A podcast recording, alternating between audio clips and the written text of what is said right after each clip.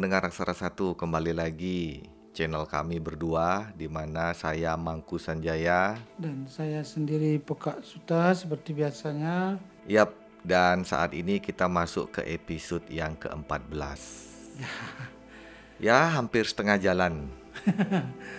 Jadi Hampir setengah episode jalan. ke-14 ini akan membahas uku yang ke-10 ya. Ya, uku yang ke-10, jadi kita berada di uku Sungsang. Ya, Kalau di Jawa, Kak Suta sama ndak namanya uku Sungsang?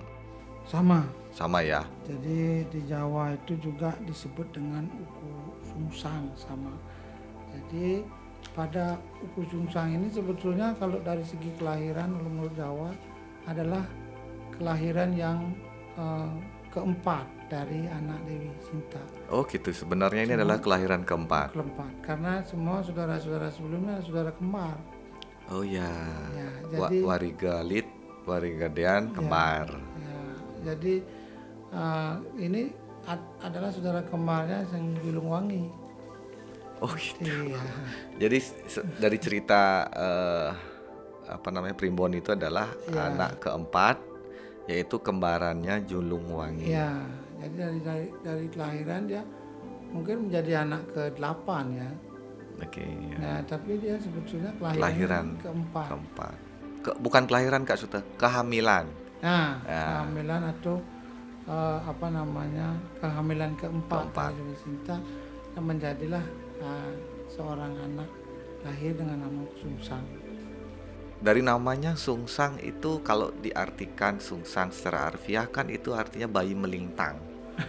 Jadi istilahnya melintang lah artinya itu Sungsang itu Ya, karena melintang. pada saat lahirnya eh, si Uku Sungsang ini disebutkan yang keluar dulu bukan kepala, Kepala. nah justru kaki. Oh, Oke. Itu jadi disebut kalau di Bali dengan disebut dengan lahir ngadak Ya, ya, berdiri ya. ya. Makanya namanya Sungsang, Nyungsang kalau Bali. Sungsang ya, ya. Jadi eh, kaki dulu baru Baru ya. Jadi kalau secara umum sebetulnya berdiri ini tidak nyungsang ya, tapi dalam istilahnya ketika kelahiran normal itu adalah yang keluar pertama adalah kepala. Jadi itu yang disebut dengan normal. Ya, ketika lahirnya kaki duluan makanya disebut dengan nyungsang ya. Sungsang ya, ya, ya. Jadi begitu. Ya, tapi tidak ada hubungan sama cerita kan. Ya, Untuk enggak. perwatakan wuku yang kita nanti jabarkan tidak ada hubungan dengan cerita yang di Ya. weton itu. Cuma di dalam penjabaran hukumnya nanti bahasa baik secara apa namanya primbon Jawa ataupun secara eh, wariga yang ditemukan di beberapa sumber di Bali juga akan memiliki kesamaan. Ya, ya. Nah, kita masuk ke horoskopnya Wuku Sungsang Kak Suta dari apa yang kita pelajari.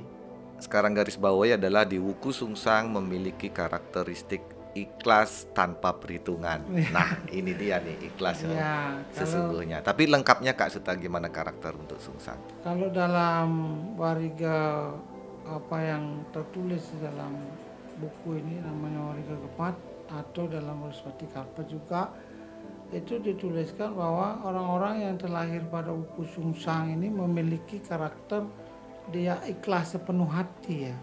Cuma dalam beberapa sumber lainnya dituliskan mungkin ya melalui eh, riset yang berkembang kita tidak tahu semua pemberiannya harus mendapat perhatian. Dia ikhlas. Cuma apa yang dia berikan harus betul-betul mendapat perhatian orang. Ya, Dalam arti bukan berarti dia mengharapkan supaya orang mengembalikan, tidak. Cuma dia betul-betul memikirkan bahwa orang merasa bahwa oh ini karena dia, oh ini karena dia. Jadi ada perasaan seperti itu di dalam sumber lainnya. Cuma kalau dari segi keikhlasan orang-orang yang lahir pada uku sungsang walaupun dia berjiwa keras, berjiwa pemarah dan lain sebagainya, tapi dia orang yang paling ikhlas. Hmm. Nah, jadi dia tidak tidak mengharapkan timbal balik sebetulnya. Itu cuma kalau dari segi rezeki dan sebagainya orang sungsang ini orang mudah rezeki. Ya. Cuma dia pemboros. Oh, Ya karena dia loyalnya tinggi. Jadi dia lo- loyal tinggi, dia suka dengan apa eh, keindahan alam, sehingga dia suka kalau orang zaman sekarang mungkin traveling ya. Oh iya iya iya. Ya. Zaman zaman Zaman dulu mungkin mungkin traveling tapi tidak ada Tidak. travel agent kan. tidak ada. Zaman sekarang mungkin traveling. Jadi orang-orang yang tentunya bersifat seperti itu atau suka dengan perjalanan wisata tentunya akan menjadi boros ya Iya. masuk akal. Masuk akal beli oleh-oleh aja berapa. Ya, jadi eh, orang-orang yang lahir pada Kusungsang ini biasanya menyukai itu, ya. Menyukai eh, ala keindahan alam atau menyukai hal-hal baru atau kalau bisa dikatakan menyukai tantangan lah. Ya, tapi ada nih kalau Pama masalah suka menyukai Kak Suta di di Uku Sungsang ini yang saya baca ada menyukai kepunyaan orang lain. nah, ini kan jelek dong Kak Suta. Jadi eh, kalau secara negatifnya orang yang ad- ada beberapa karakter negatif yang menjadi warning orang yang lahir pada kusungsang adalah yang pertama salah satu yang saya tadi pemangku sebutkan itu ada eh, dia iri hati, dia suka sama punya orang, Iya. dia bisa saja menjadi pesaing yang mungkin membabi buta. Ya. Ya, tapi dalam hal ini warningnya adalah eh, bukan berarti ketika menyukai milik orang lain menjadi eh, jahil atau klepto ya. Atau memiliki istilahnya menyukai eh, kepunyaan orang lain tidak harus memiliki. Iya. Jadi dia kadang-kadang menjadi acuan tertentu ya eh, dalam bahasa wariga ini adalah saya punya gemet ini namanya. Itu dia suka sama punya orang jadi obsesinya kepingin seperti itu. Hmm. kepingin seperti itu tapi tidak boleh di- tidak mau dikalahkan ada orang-orang yang kita sering lihat dalam kehidupan nyata uh, memiliki karakter seperti itu terlepas dari apakah mereka lahir pada kusungsang atau tidak misalnya oh dia punya ini saya pingin lah punya seperti itu Ya. Ya, jadi ada motivasi tertentu yang timbul dari apa namanya eh, rasa iri hati atau iri yang dalam konteks atau dalam dalam arti yang positif ya. Ya. Karena kalau iri hati yang negatif mungkin mereka akan ber- ber- berperilaku negatif juga. Ya.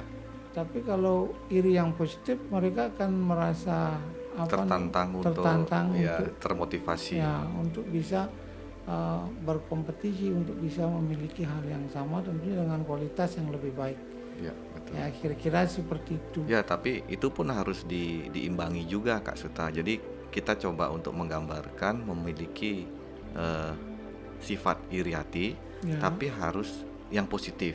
ya Karena eh, karakter yang yang ada di Warige ini, Wuku Sungsang itu adalah karakter orang-orang yang tidak suka diam.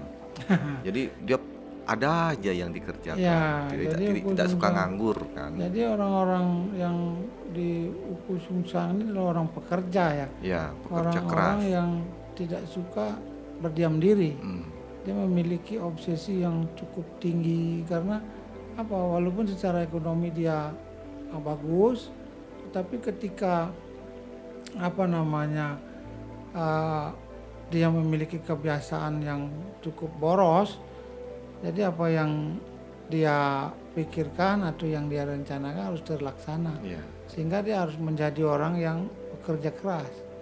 Dan tentunya akan motivasi dia untuk menjadi pekerja keras itu adalah ya seperti itu tadi.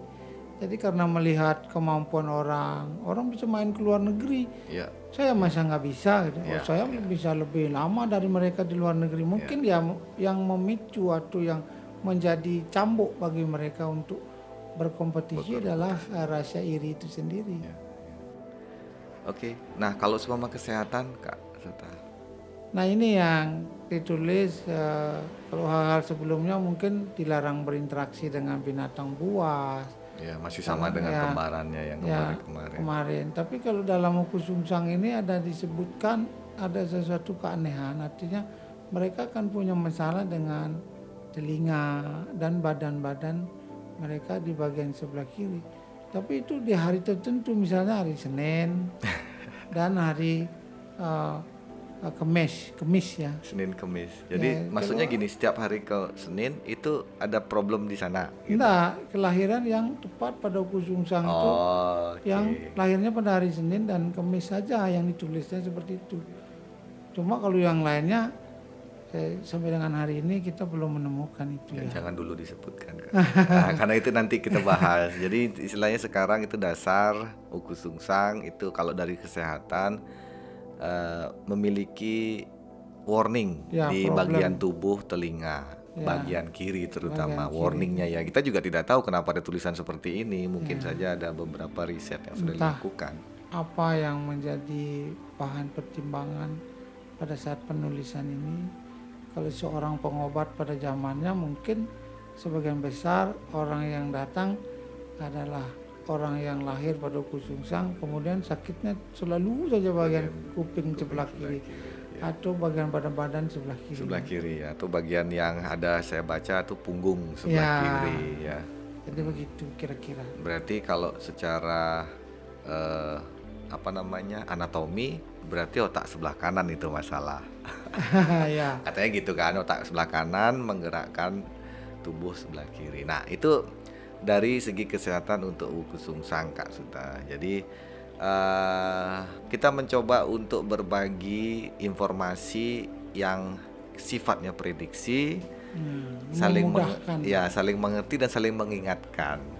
memudahkan pada saat ini mungkin karena eh, memanfaatkan teknologi ya media yang ada kalau orang pada zamannya harus pergi ke toko buku atau pergi membeli buku untuk dibaca supaya mengerti. Tapi saat ini kita cukup hanya mendengarkan. Ya sebetulnya apa yang kita sampaikan pada hari ini kita mencoba untuk mencari dasar-dasarnya. Iya. artinya mencari sumber-sumbernya. Bukan sekedar bahasa hayalan atau bahasa yang tidak berdasar. Ya, ya. jadi mohon maaf ketika mungkin ada yang menjadi pemicu ketersinggungan atau pemicu ke ketidakcocokan. Jadi kita mohon maaf. Ya, oke Kak Suta di episode kali ini di episode ke-14 kita akhiri dan sampai berjumpa di episode selanjutnya.